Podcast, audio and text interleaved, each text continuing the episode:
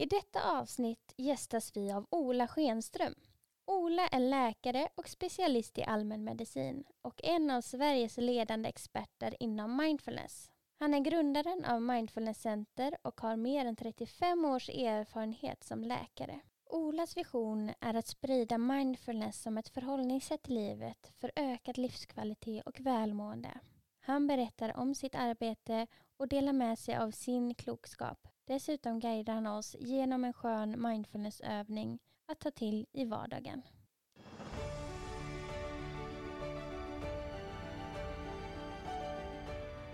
Välkommen till en stilla podd med mig Matilda och med mig Anna. I den här podden delar vi våra tankar, bästa tips och erfarenheter för att peppa dig till att prioritera dig själv och ditt välmående. Vår övertygelse är att mer stillhet leder till mindre stress och mer balans, harmoni och glädje i livet. Nu kör vi!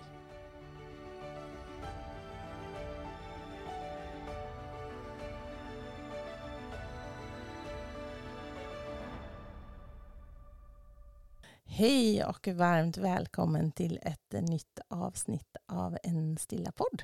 Hej hej, välkommen.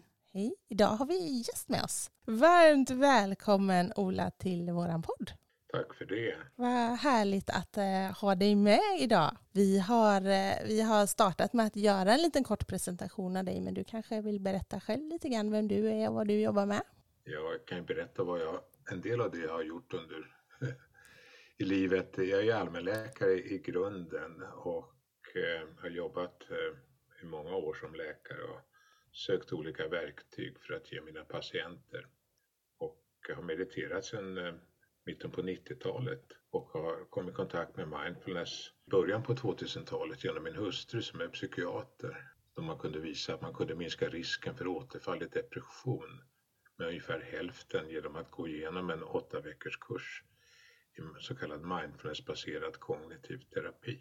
Mm. Så Anna och jag vi åkte iväg på en retreat och vi åkte iväg på flera retreater och så blev jag fast och så utbildade jag mig till lärare i mindfulness vid universitetet utanför Boston som John Kabat-Zinn började i slutet på 70-talet med patienter med, med långvariga besvär och kunde visa att de mådde mycket bättre med hjälp av mindfulness-träning, det som kallas för mindfulness-baserad stressreduktion.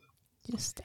Och John har sedan skrivit förordet till min bok Mindfulness i vardagen som en slags basbok. Så, så jag har ägnat mig och lämnade mitt allmänläkarjobb för att enbart syssla med utbildning. Jag såg det här som så värdefullt och ser det fortfarande som oerhört värdefullt för att hantera livet egentligen. Inte bara vid sjukdom utan vid upp och nedgångar som vi alla möter. Det gäller ju allt ifrån stress till, till långvarig sjukdom men också för att glädjas och, och njuta av livet och få kraft av det som är gott. Men också möta det som är jobbigt och svårt och inte undvika det. Så det är ett sätt att, att leva ett, ett, ett gott liv, öka sitt välbefinnande och så att vi mår så bra så vi kan bidra till livet, mm. till andras liv också. Ja, vi, eh, vi gillar ju mindfulness.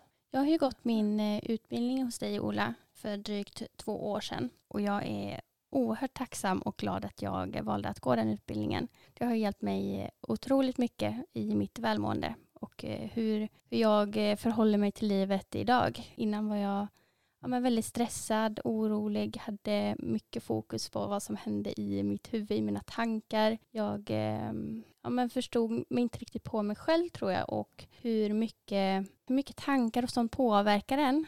Att man sitter på så mycket ehm, makt själv i vad man liksom bidrar till, till, till sitt eget välmående. Att mm. Eh, jag kan faktiskt påverka hur jag mår och det jag gör gör antingen att jag mår bättre eller sämre eller så. Så att det, eh, det har hjälpt mig jätte, jättemycket. För mig är det essensen på något sätt att få höra det, alltid en glädje. Och, så det är väldigt roligt och meningsfullt att jobba med utbildning som du nämner av instruktörer. Jag har tillsammans med mina medarbetare nu utbildat ungefär 3000 instruktörer. Oj. Det finns en instruktör per 3000 vuxen svensk eller någonting sånt och det är egentligen den vision vi har med Mindfulness Center är att få in mindfulness som en integrerad del i samhället. Och vi tar vården som ett exempel, att det ska finnas tillgängligt, eh, inte bara i primärvården utan i många andra sammanhang. Cancervård, smärt, mm. smärt rehabilitering och så vidare. Eh, men också i skolan, det är där vi ska börja. Mm. Förskolan redan och vi har många instruktörer idag som jobbar redan i förskolan. Men det behöver en systematik för att nå ut på bredden. Och sen i arbetslivet generellt och i ledarskap, det har ju mycket med att, lite som du är inne på, att känna sig själv. Mm. Och, och, komma i kontakt med de resurser vi har. Och det, det är också som du beskriver ett förhållningssätt till mina tankar, till mina känslor och inte minst lära sig lyssna på sin egen kropp. Mm. Ja, men det är precis. den mest försummade biten. Och jag har jobbat mycket med utmattade. Jag skrev en bok för 20 år sedan tillsammans med Martin Krauklus som är präst. Och eh, utmattade, är det någonting man har försummat så är att lyssna på sig själv på sina egna behov ja. förhållande till andras, kunna avväga egna mot andras behov. Så det är ett område som intresserar mig. Mm. Vi kan kalla för självmedkänsla och självmedvetenhet. Ja, men någonstans har man ju vuxit upp utan att få lära sig de här sakerna. Mm. De eh, sakerna, den kunskapen har man inte haft med sig från start. Vilket jag tror egentligen är väldigt, väldigt värdefullt att få redan som barn. Att ha koll på hur mycket man faktiskt kan påverka och, och eh, få lite koll på sin egen kropp och sina behov och, och vad som händer i kroppen, tankar och så. Ja, man önskar ju att man tidigt hade fått lära sig bara det här att, att inte ens tankar är, står för något som är absolut sant, utan att det är någonting vi skapar själva och vi väljer själva hur vi förhåller oss och vilken distans det har, vi har till våra tankar. Det... Och hur mycket tankarna påverkar våra känslor. Ja. Alltså bara den kopplingen. Det var ju som en aha-upplevelse mm. när vi mm. pratade om det i utbildningen. Just det att tankar och känslor och vår kropp hör samman och de här tre delarna de påverkar varandra hela tiden. Mm. Så tänker jag någonting så påverkar det känslorna och, och känslorna sitter någonstans i kroppen dessutom. Mm. Men de kan också börja med kroppen, för någon förnimmelse vi får någonstans och så behöver vi tänka på vad det är, vad det är och vilka känslor som det utlöser i sin tur. Så att vi har våra tankar, vi är dem inte. De kommer och går i ett mm. ständigt brus. Och samma sak med känslor, de kommer och går, de avlöser varandra och i, i grunden är till del i varje fall signaler för om behov är tillfredsställda eller inte. Så kan man komma ner lite djupare där så tittar man på behoven bakom. Vilket man gör i en annan del som jag är utbildad i, nämligen non-violent communication eller en slags medkänslans språk som är mera kommunikation mellan människor. Men mm. den mest försummade delen det är att lyssna på sin kropp. Mm. går omkring som någon slags huvudfotingar där, där kroppen blir mer en, ett transportmedel som en taxi eller en bil. Så den, och den har sin egen visdom. Mm. Och, och, kroppen lurar oss inte som våra tankar kan göra. Våra tankar kan föra oss rakt in i väggen om vi inte ser upp om allting vi måste göra och ställa upp för allt och alla. På bekostnad av oss själva, vårt eget mm. välmående. Så så kroppen är en central del. Ja, jag reflekterar ju rätt ofta över det. Jag sitter ju som telefonsjuksköterska på 1177 och hur, eh, hur ofta jag möter människor som, som är helt distanserade från sina egna kroppar. De befinner sig bara uppe i huvudet. De kan inte beskriva vad det är som händer i deras kroppar överhuvudtaget. Och jag, ja, det är någonting som jag dagligen reflekterar över att folk behöver komma ner i sina kroppar lite bättre.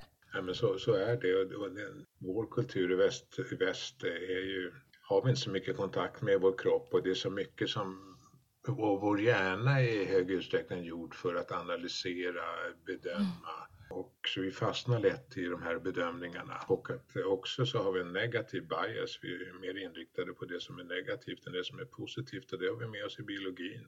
Mm. Vi ska vara, skydda oss mot det som kan vara farligt. Mm. Det är inte så mycket som är farligt som det var när våra förfäder gick på savannen i Afrika. Men vi har med oss samma biologi idag. Så att, eh, det finns mycket att jobba med och det är därför det är så, som, är det så viktigt att få in det i skolan. Jag har varit läkare i många år ju och mm. vad jag har sett under de decennierna är ju att den psykiska ohälsan den har ju gått ner i åldrarna. Mm. Tidigare så debuterade ju psykisk, alltså depression till exempel, ganska högt upp i åren, 50-60. Mm. Nu ser vi kanske att hälften av de som drabbas har fått besvär redan före, vid 15 års ålder mm. tidigare. Mm. Och det är klart, då har man med sig, om man inte ser upp, en ökad sårbarhet för mm. resten av livet, så måste hitta nya, nya vägar. Det skrivs ut ungefär antidepressiva till ungefär en miljon människor per år i vårt land för det första så har antidepressiva låg eller ingen effekt vid lätt till, måttliga besvär.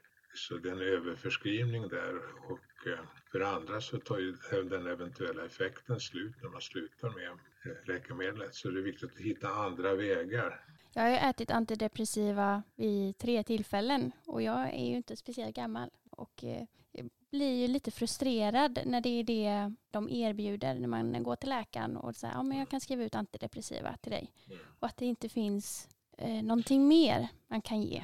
Typ mindfulness-träning eller så. Mm. Och vi vet ju från forskning vi har gjort i, i, i Skåne på 16 vårdcentraler här att mindfulness i grupp, alltså med 8 till 10 personer, var lika effektivt som individuell behandling, i huvudsak med KBT. Mm. Så att mindfulness är kostnadseffektivt. Ja, men verkligen. Det är också så att, och det är ett av skälen till att jag och flera med mig vill ha in mindfulness, så man kan erbjuda det på alla Sveriges vårdcentraler. Då skulle många fler kunna få hjälp. Mm. Och, och, kanske ibland i kombination med KBT. Eh, så det är inte dåligt på något sätt men att det är kostnadseffektivt och man kan ha gruppbehandling. Men vården mm. är inte vana vid att arbeta i grupp. Och man kan också göra det här online. Det fungerar alldeles utmärkt. Man kan ha tio personer i en grupp online, till och med fler. Mm. Men vården hänger inte med, den är så trög. Det har jag stor erfarenhet av under de här 15 åren som jag enbart har jobbat med utbildning mm. i mindfulness. Nej, men jag kan, kan, inte annat än att hålla med som har jobbat i vården också i många år. Och, och det här det skrämmer ju mig något enormt att man skriver ut då till exempel antidepressiva rätt oreflekterat när det är mediciner som dessutom ger ganska tråkiga biverkningar. Alltså det är inte, de är inte biverkningsfria på något sätt. Nej. Så att, eh, att kunna erbjuda vård som är helt fri från biverkningar och som dessutom är både kostnadseffektiva och effektiva. Ja, men det handlar ju lite om att förebygga också och att inte hamna i samma situation återigen. För det är mm. väldigt lätt hänt att man hamnar i samma vanor. Man fortsätter precis som man har gjort innan för man förstår inte riktigt problemet. Vad det är man kanske har utsatt sig själv för eller vad man har blivit utsatt för. Utan det, det är liksom... och, det, och det är en av huvuddelarna av mindfulness-träning är ju att genom ökad medvetenhet om vad som pågår i mig kunna göra fler medvetna val mm. och, och stiga ur det som du beskriver här Matilda, sin autopilot. Mm. Så väldigt mycket som av våra beteenden är automatiserade så vi tänker inte på att, hur, hur, vi gör och, vi kan, och därför kan vi återfalla i samma sak gång på gång om ingenting annat förändras eller om jag inte ändrar mitt förhållningssätt. Mm till det som sker. Autopiloten är inte dålig i sig, i sig. Den har vi nytta av, alltså att ha rutiner, vad vi ska eh, eh, ha för frukost eller hur vi ska klä oss på morgonen eller vägen till jobbet eller någonting annat. Men idag så förändras världen så mycket hela tiden. Förändringar mer än, än någonsin i livet, både i det sociala livet och på arbetsplatser och, och även nu globalt.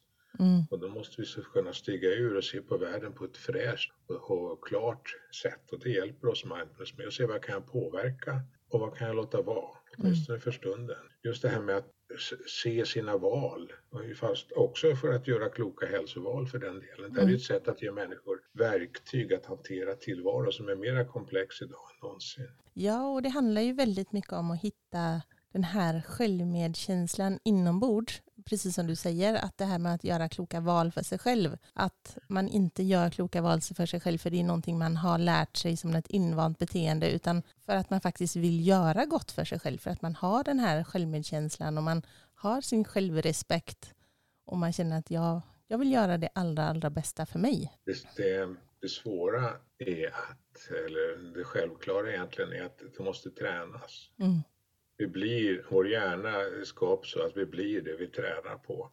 Om man alltid fått lära sig att ställa upp för alla andra först och sätta sig själv sist, så sitter det väldigt, väldigt djupt. Mm. Det har jag sett. Jag har kanske träffat, haft kanske 45 000 konsultationer under min kliniska mm. del. Så att det sitter djupt, så man behöver träna. Det anmärkningsvärda egentligen när det gäller mindfulness, det är att förhållningssättet att träna in relativt snabbt, 10-20 minuter om dagen under några veckor, några månader. Så man har med sig det. Det är klart, det ideala är som med fysisk aktivitet att man fortsätter träna. Mm. Men det svåra, det är att ta sig tiden. Därför att vi är så automatiserade. Vi går på vår autopilot. Så att skära ut de här 10 eller 20 minuterna, det är svårt, särskilt i början. Mm. Men sen börjar man märka effekten av det efter någon eller några veckor och fortsätta. Så att, eh, och, det bästa är det, det är om man har stöd av en instruktör. Mm. Vi har ju en sak som jag har gjort under de här, alla de här åren, det är, mitt intresse är att göra den här träningen brett tillgänglig. Så därför har jag gjort ett antal onlinekurser, e-kurser som man kan göra själv. Och det kan man, men det är svårt med disciplinen när man gör det själv. Och därför är det väldigt bra att ha en instruktör som, som kan leda en, som man träffar då antingen individuellt eller men gärna i grupp. Som under Matildas ledning till mm. exempel. Då får man också höra de andra gruppmedlemmarna erfarenheter och bredda sin egen referensram. Det är så lätt att vi fastnar i vår egen uppfattning om världen och får mm. höra att andra kan ha helt andra infallsvinklar och synpunkter och erfarenheter, inte minst av den egna träningen i mindfulness. Mm. Så man lär sig väldigt mycket av varandra och man lär sig av, av instruktören och man lär sig av de här övningarna som vi har på e-kurser mellan träffarna. Mm. Så att man repeterar eh, och, och lär in förhållningssättet, för det är ett förhållningssätt, inte en metod egentligen, utan det är ett förhållningssätt hur vi möter och tar vara på det som är gott och hur vi inte undviker det som är obehagligt. Det ligger i den mänskliga naturen att, att fastna i det som är gott och undvika det som är så, ingen vill ha ont, vare sig fysiskt eller psykiskt. Mm. Så här tränar vi oss att gå någon slags medelväg, vi möter också, smaka på det som är lite obehagligt. Mm. Och en erfarenhet jag har som läkare under många år det är att förmågan att hantera obehag är mycket, mycket mindre i befolkningen idag än tidigare.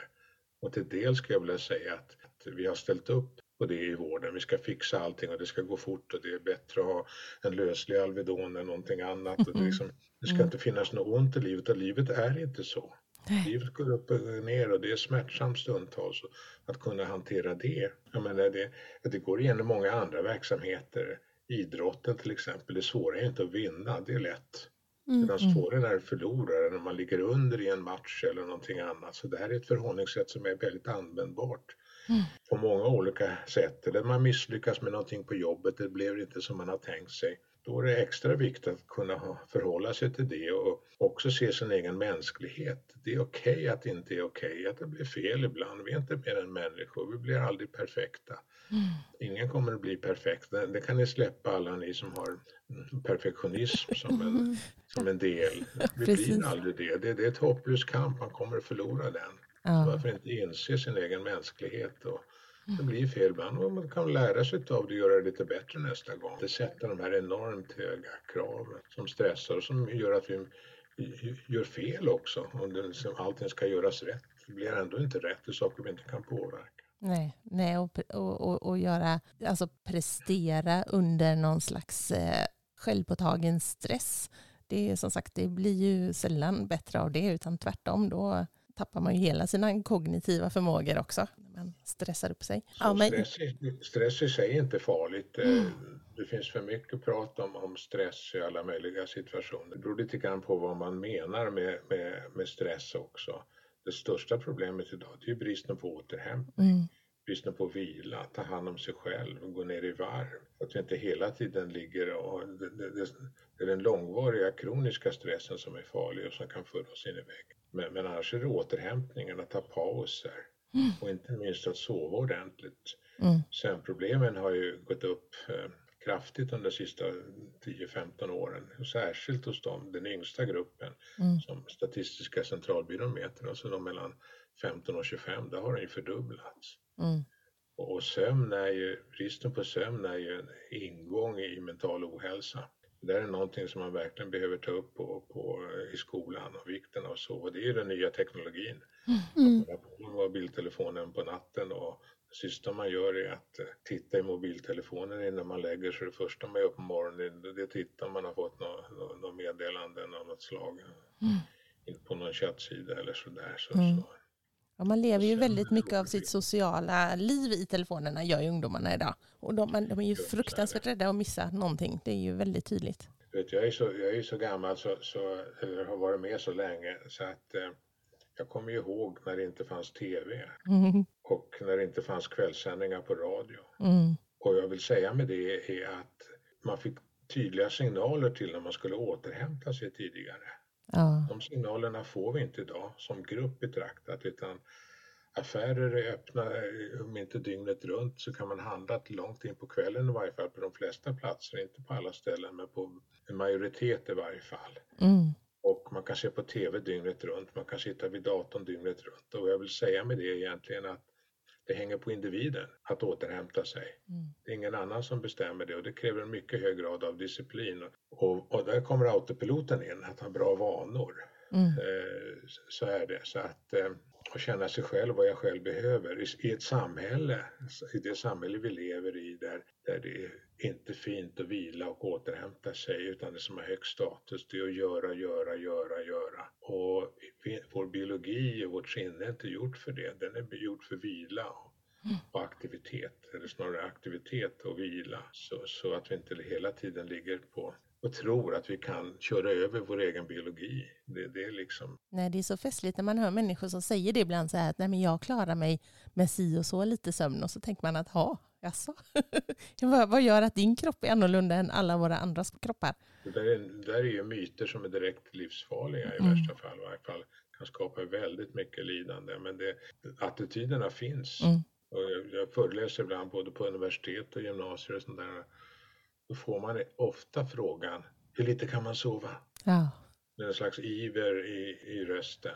Och kan man lära sig sova mindre och mindre? Och det kan man i och för sig, men det är ganska komplicerat. Och det är bra att det är komplicerat. ja, och till vilken För att nytta? visa hur, hur, hur låg status vila och återhämtning har. Det, det är någonting man bör diskutera mera. Men vi kan ändå uppleva att vi ändå märker bara de senaste åren ett litet skifte i det här. Att det är inte riktigt lika hög status på att, att eh, ha en hög arbetsbelastning, att stressa runt, att eh, sova, då, alltså sova lite. Utan vi kan nog ändå uppleva ja, som sagt, ett litet skifte i det här. Är det någonting som du också har lagt märke till? Jag kan inte säga, Nej.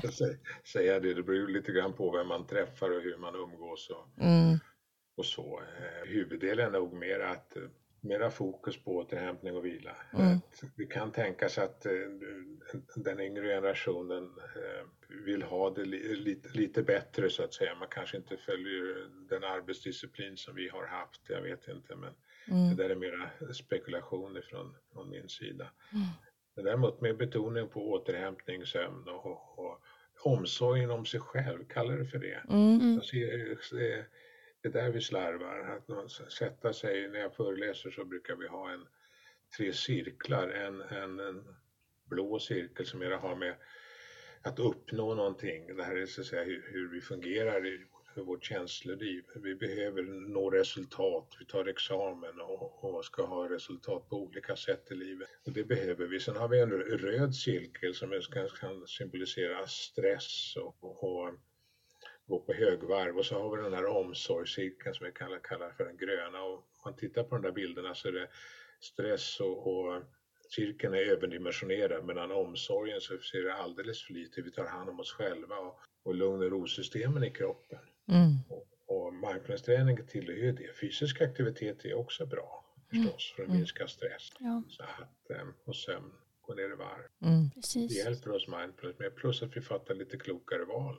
Ja, men helt klart. Jag tänker lite på barn och ungdomar och så, att det, mycket av ansvaret ligger kanske också kring föräldrar och vårdnadshavare. Att de också sätter lite gränser och eh, lite regler kring vad man tror är bra.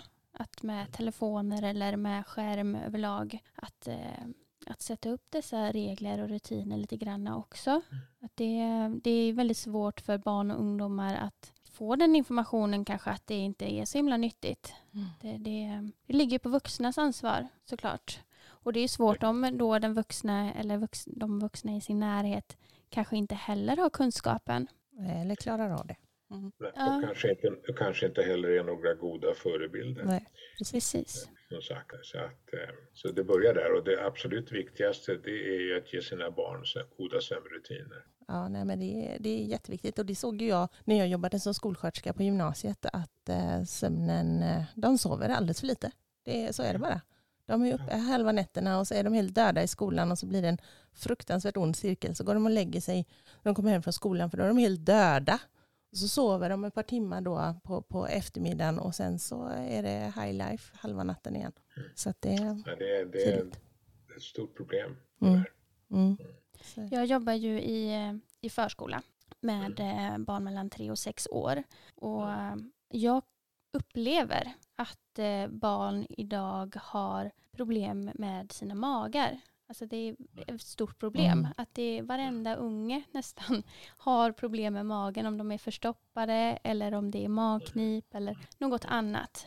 Någonstans så får, får det mig att tro lite grann att det kanske handlar om, eh, om stress och eh, hög belastning på dem redan när de är så små. ja, Ja, men vi vet att, eh, och vi ser också genom våra instruktörer som jobbar i förskola, att eh, med små medel kan man komma långt där. Och då, både med pedagogerna mm, och med barnen. Alltså så rutiner omkring det, börja tidigt.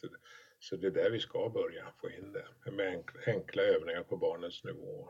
Mm. Börja där i 3-4 års åldern. Precis. Man anpassar det till barnet då, hur det är. Jag har goda exempel där de från andra avdelningar undrar hur gör du? Mm. Att det ska vara så lugnt här. Och, Mm, och också för sin egen skull. Samma sak i skolan, det är bra för pedagogerna. Mm. Eh, Det är bra för den psykiska hälsan och det är bra för lärandet. Mm. Men vi lär oss mest när vi är avspända. Då är vi liksom öppna och tillgängliga för att ta emot information och kunskap och Mm. kunna associera och sätta det i ett sammanhang. Mm. ja, fokusera och hålla koncentration och så. Ja, ja, ja. Mm, Absolut. Ja, men fördelen med att börja med barn och unga det är ju att de är ju mycket mer formbara än vi vuxna på ett helt annat sätt. Och att det ganska snabbt kan bli en rutin och någonting som, alltså att lära sig att spänna av och ja, återhämta sig kan, kan rätt snabbt gå in i deras autopilot. Så är det och, och så även korta övningar har effekt Mm. både hos barn och hos vuxna. Det kan röra sig om någon minut eller några minuter när man, när man har ja, bara ta sig en liten paus, fokusera på sin andning och vad det nu kan vara för någonting. Mm. Så att det finns många områden eh, omkring. Jättespännande. Man märker ju också hur mindfulness-träning gynnar en kring alltså effekten. I början så behövde jag träna längre stund för att känna effekt i kroppen, att jag kände mig mer balanserad och sådär. Men nu räcker det ju med att man tar några medvetna andetag bara en kort stund så har man hittat den här balansen i kroppen. Det, det är ju re- rent eh, medicinskt eller fysiologiskt så att vi, vi, vi förstärker de kopplingar som vi tränar. Mm. Så att vi bildar nätverk i hjärnan. Och det gör vi oavsett om vi gör det medvetet eller omedvetet. Så frågan är vem som ska bestämma över ditt liv. Mm. Precis. Därför att det faktiskt är det frågan om. Och där kommer vår egen förmåga att rikta fokus in. Så där vi har vår uppmärksamhet, det är det som formar vår hjärna som är plastisk. Det trodde man inte för 15-20 år sedan. Vi formar vår hjärna hela tiden med utgångspunkt ifrån vad vi har vårt fokus. Så ska jag ha det medvetet eller ska jag låta någon annan ha det? Det är en ständig konkurrens om, om vår uppmärksamhet av kommersiella skäl inte minst. Mm.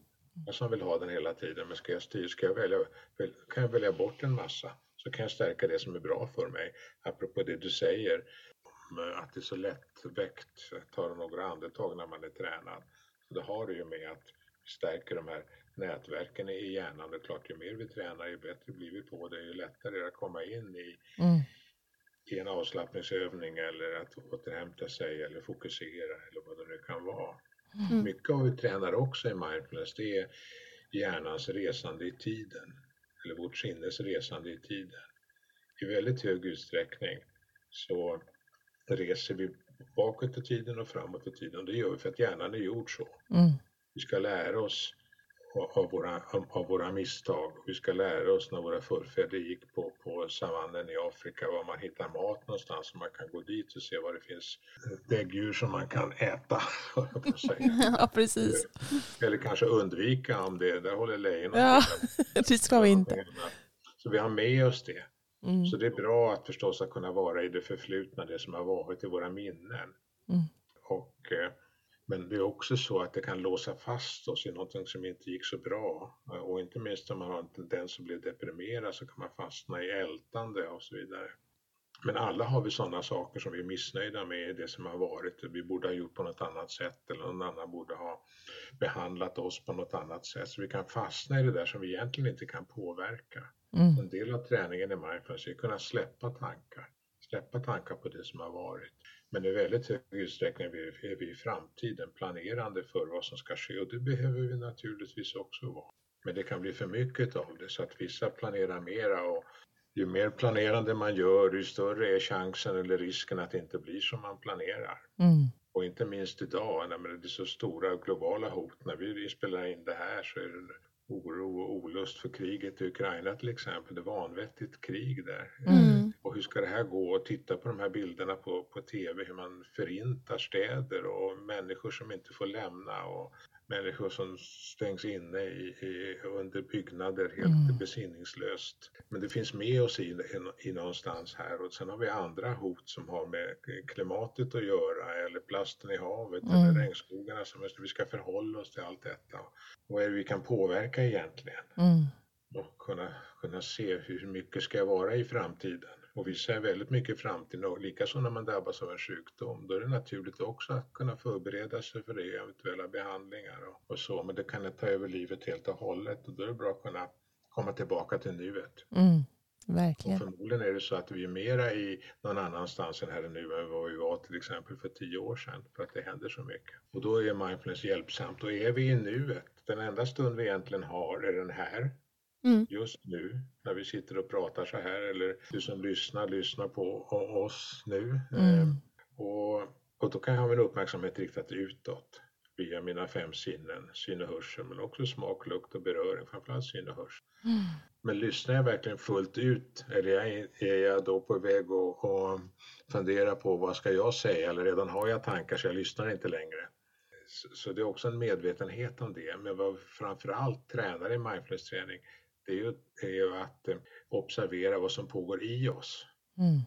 Vad som pågår i våra tankar medan vi tänker. Den förmågan har vi. Mm. Till exempel om man sitter vid ett lunchbord och någon börjar säga någonting och så, eller man träffar någon på stan och någon säger något. Efter ett tag så lyssnar man inte längre, man börjar fundera på vad ska jag säga nu? Ja? Mm. Så vi kan iaktta våra egna tankar medan vi tänker och vi kan iaktta våra egna känslor också. Vi kan bli mer medvetna om våra känslor. Och när de blir medvetna så styr de oss inte lika automatiskt utan då kan vi som, som vi var inne på tidigare säga att vi kan välja. Mm. Hur ska jag förhålla mig till det här? Ska jag säga något nu eller kanske säga vad jag känner eller inte? Vara tyst.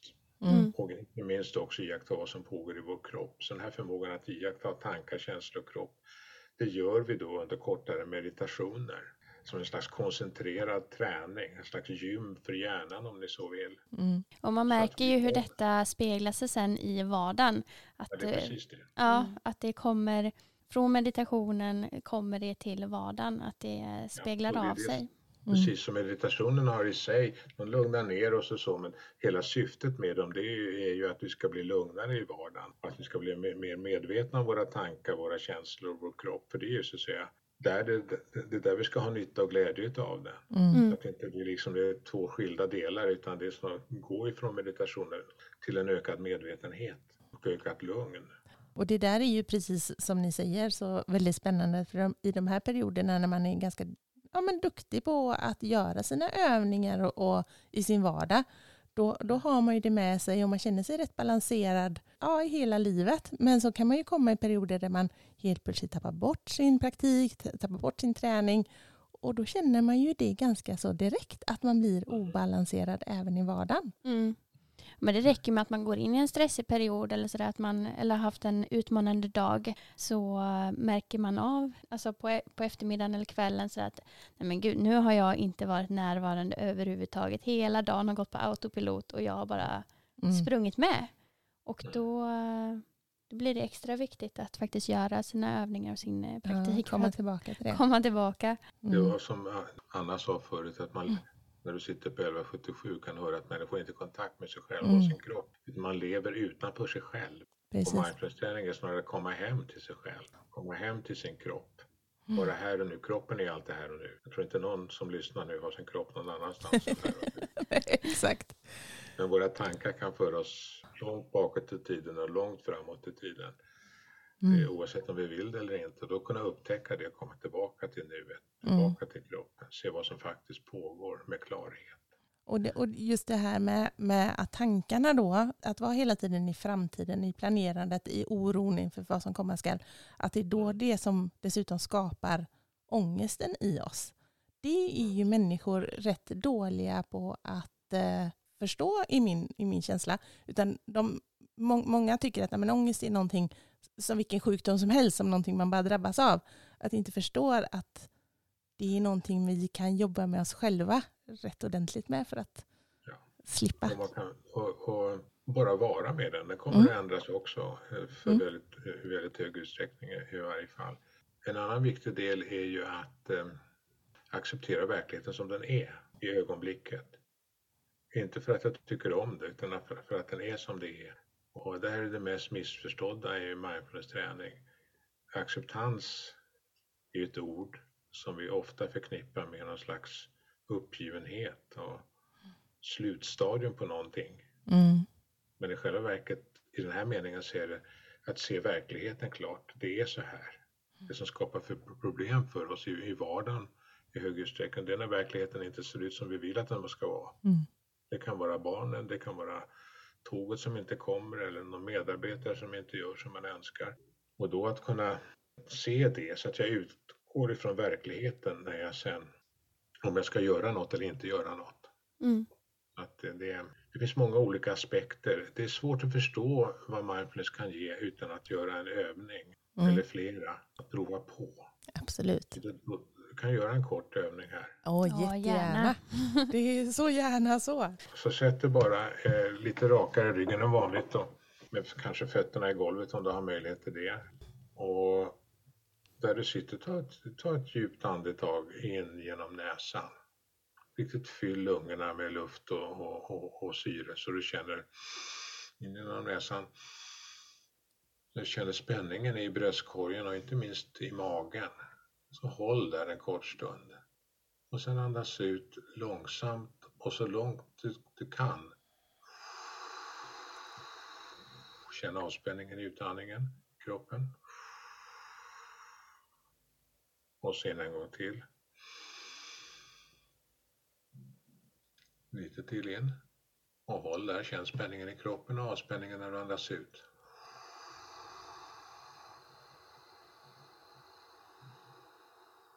Och en tredje och sista gång på det här sättet.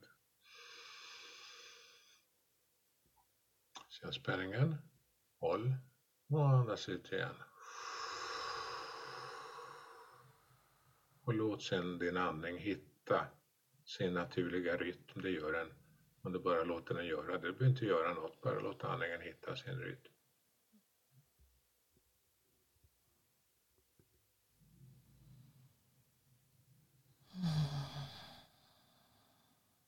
Sen om du kan känna din kroppskontakt med underlaget där du sitter. Fotsulorna mot golvet. Rumpan på det du sitter på, en stol eller kudde. Och händernas kontakt med din kropp eller med varann eller med någonting annat.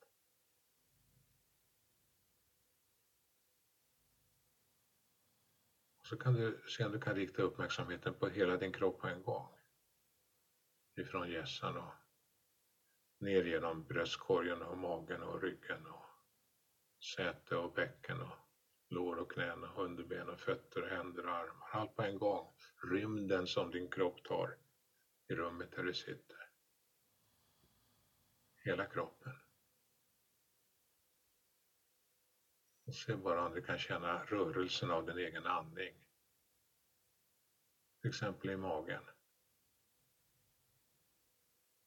Spänns ut lite grann, inte mycket, lite grann när du andas in och sjunker in och slappnar av när du andas ut varje andetag. Sen du kan ha kvar fokus på andningen i, i magen. är lite nyfiken uppmärksamhet. Det ska inte vara på något särskilt sätt. Bara känn hur det känns i magen att bli andad. Den sköter sig själv. Så du kan ha kvar din uppmärksamhet och följa andningen hela vägen in och hela vägen ut. Andetag för andetag.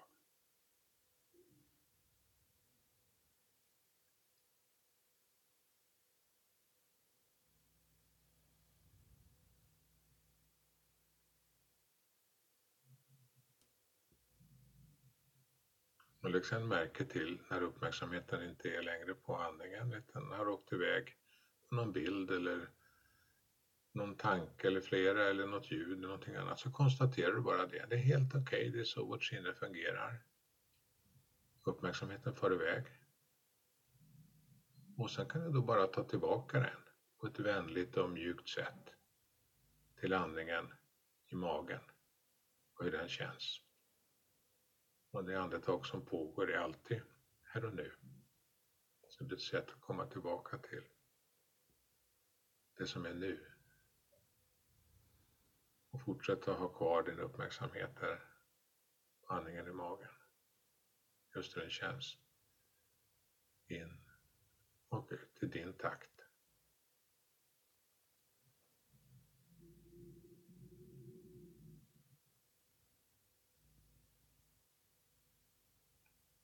Skulle uppmärksamheten far iväg igen, för den gör det ganska snabbt. Det är helt okej. Okay.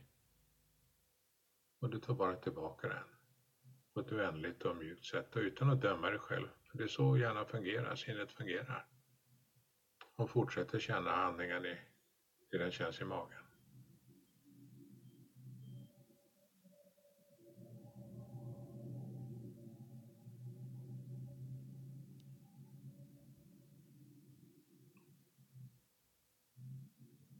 Och ju fler gånger din uppmärksamhet far iväg, ju fler gånger får du att träna dig på att se det och ta tillbaka den.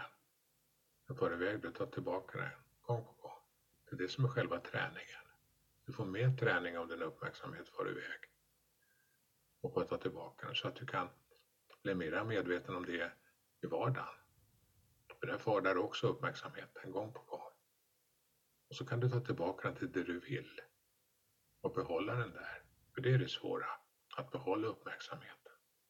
Men genom den här träningen så kan du göra det mer och mer.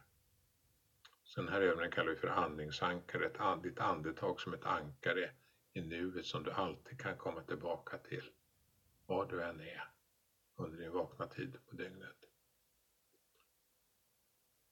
Så du kan bara avsluta genom att känna ditt andetag i magen hela vägen in, hela vägen ut, ett, hela vägen in, hela vägen ut, två. När du kommer till tre på det här sättet så kan du öppna ögonen och känna hur,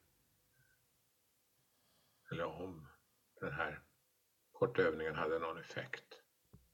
Det ska inte vara på något särskilt sätt, bara lägg märke till hur det är just nu och vad som händer.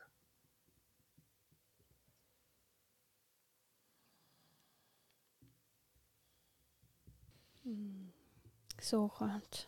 Men verkligen. Så, ja men man märker ju att, um, att det ger effekt på kroppen mm. väldigt fort. Mm. Väldigt skönt. Tack snälla. Åh, oh, vad härligt. Så det är en kort övning och som ni kanske märkte så tog vi kontakt med kroppen här på olika mm. sätt.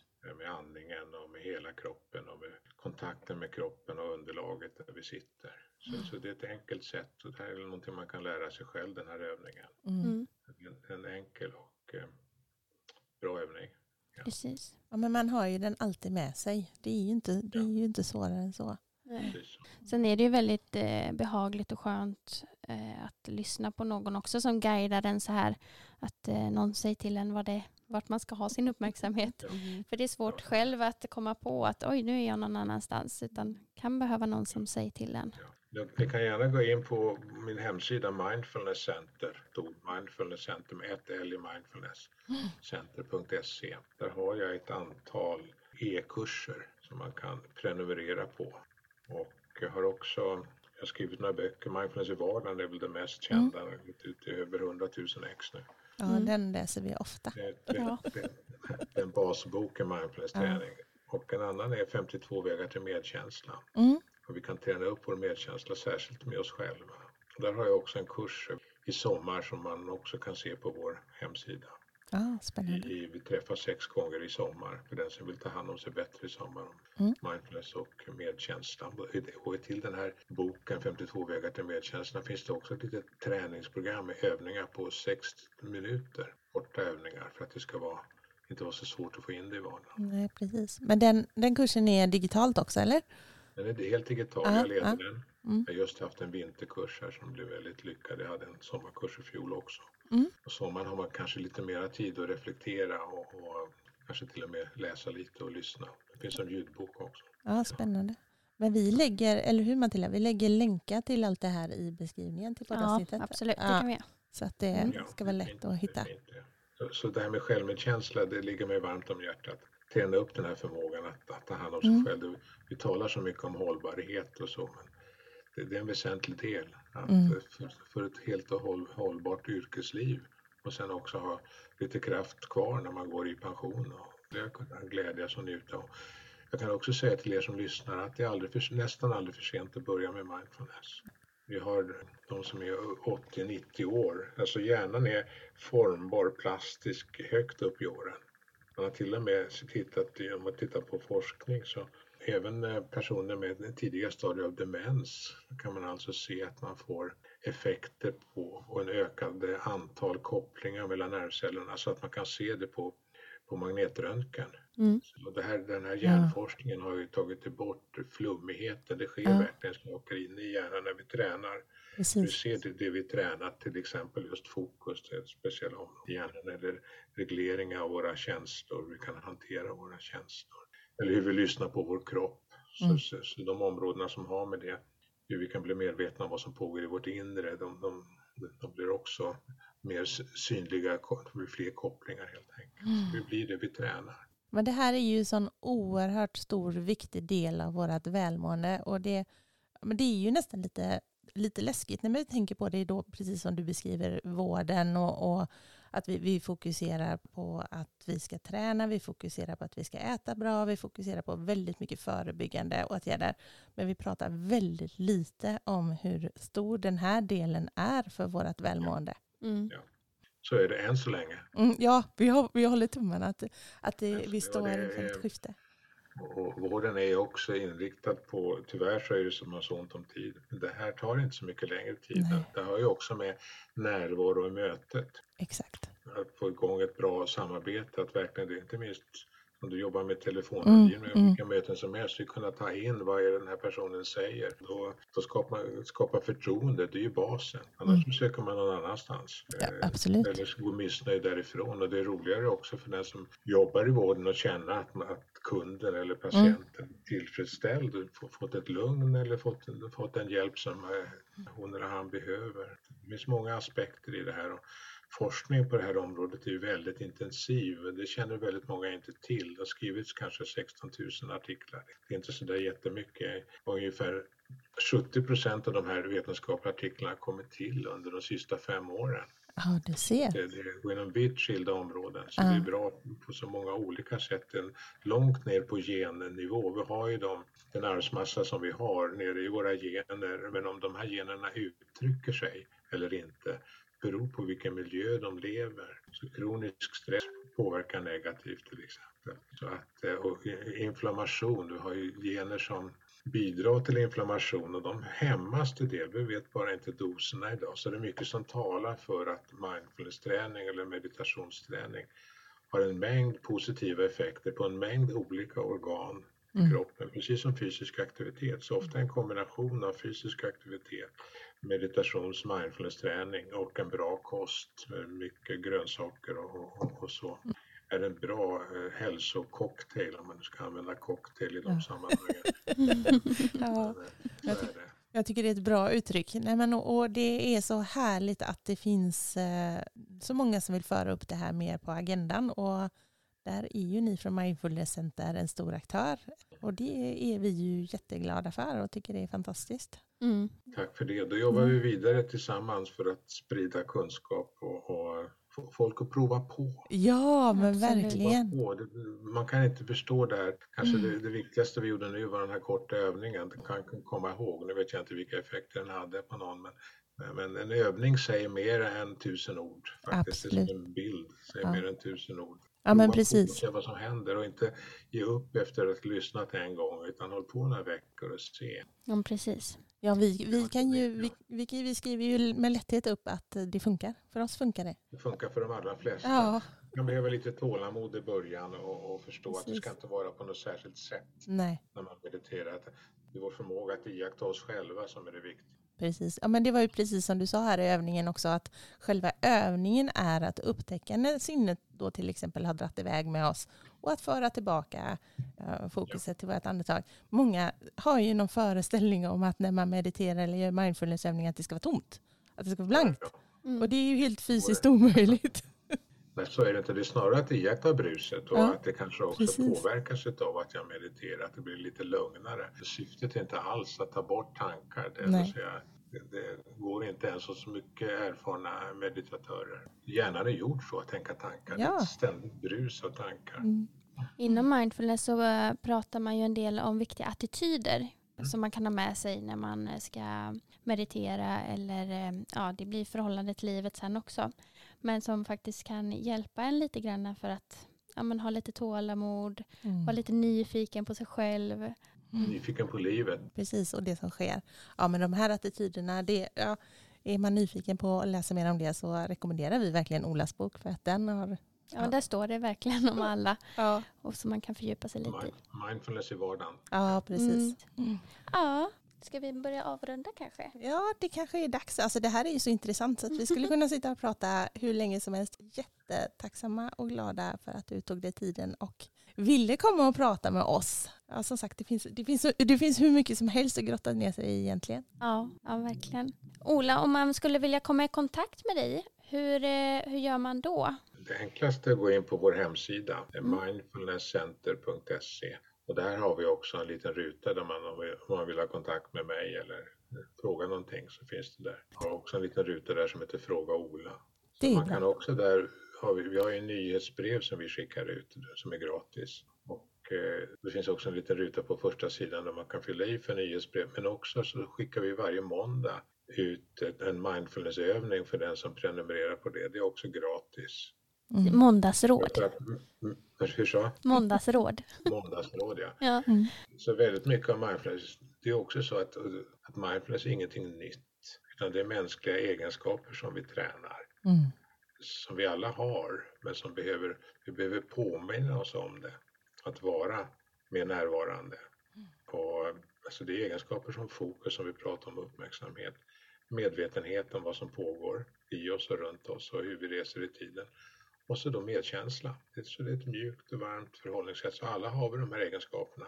Men vi blir bättre på det vi tränar. Helt klart. Så att det, det, det är det frågan om. Påminna sig om det här på olika sätt. Och de här måndagsråden då är ett sätt. Precis. Så, att, så let's do it. Ja, Mm. men precis. Signa upp dig på det om du är nyfiken för att eh, ja, det kan göra hela skillnaden. Mm. Tack Mm. också för mig och för ert engagemang och för ett trevligt eh, samtal. Ja, tack, tack. Och tillsammans så förändrar vi världen i små steg. De flesta förändringar sker i små steg, eller hur? Ja, Mm. absolut. Och det Vi såna börjar här, med oss själva. ja, och sådana här samtal blir en så skön påminnelse om att man inte är ensam i den eh, strävan. Vi är allt fler. Vi Mm. är allt fler. Tack för att ni hjälper till med det. Ja, tusen själv. tack. ha det så bra nu. Ha det bra. Tack, Hej tack. då. Hej. Hej.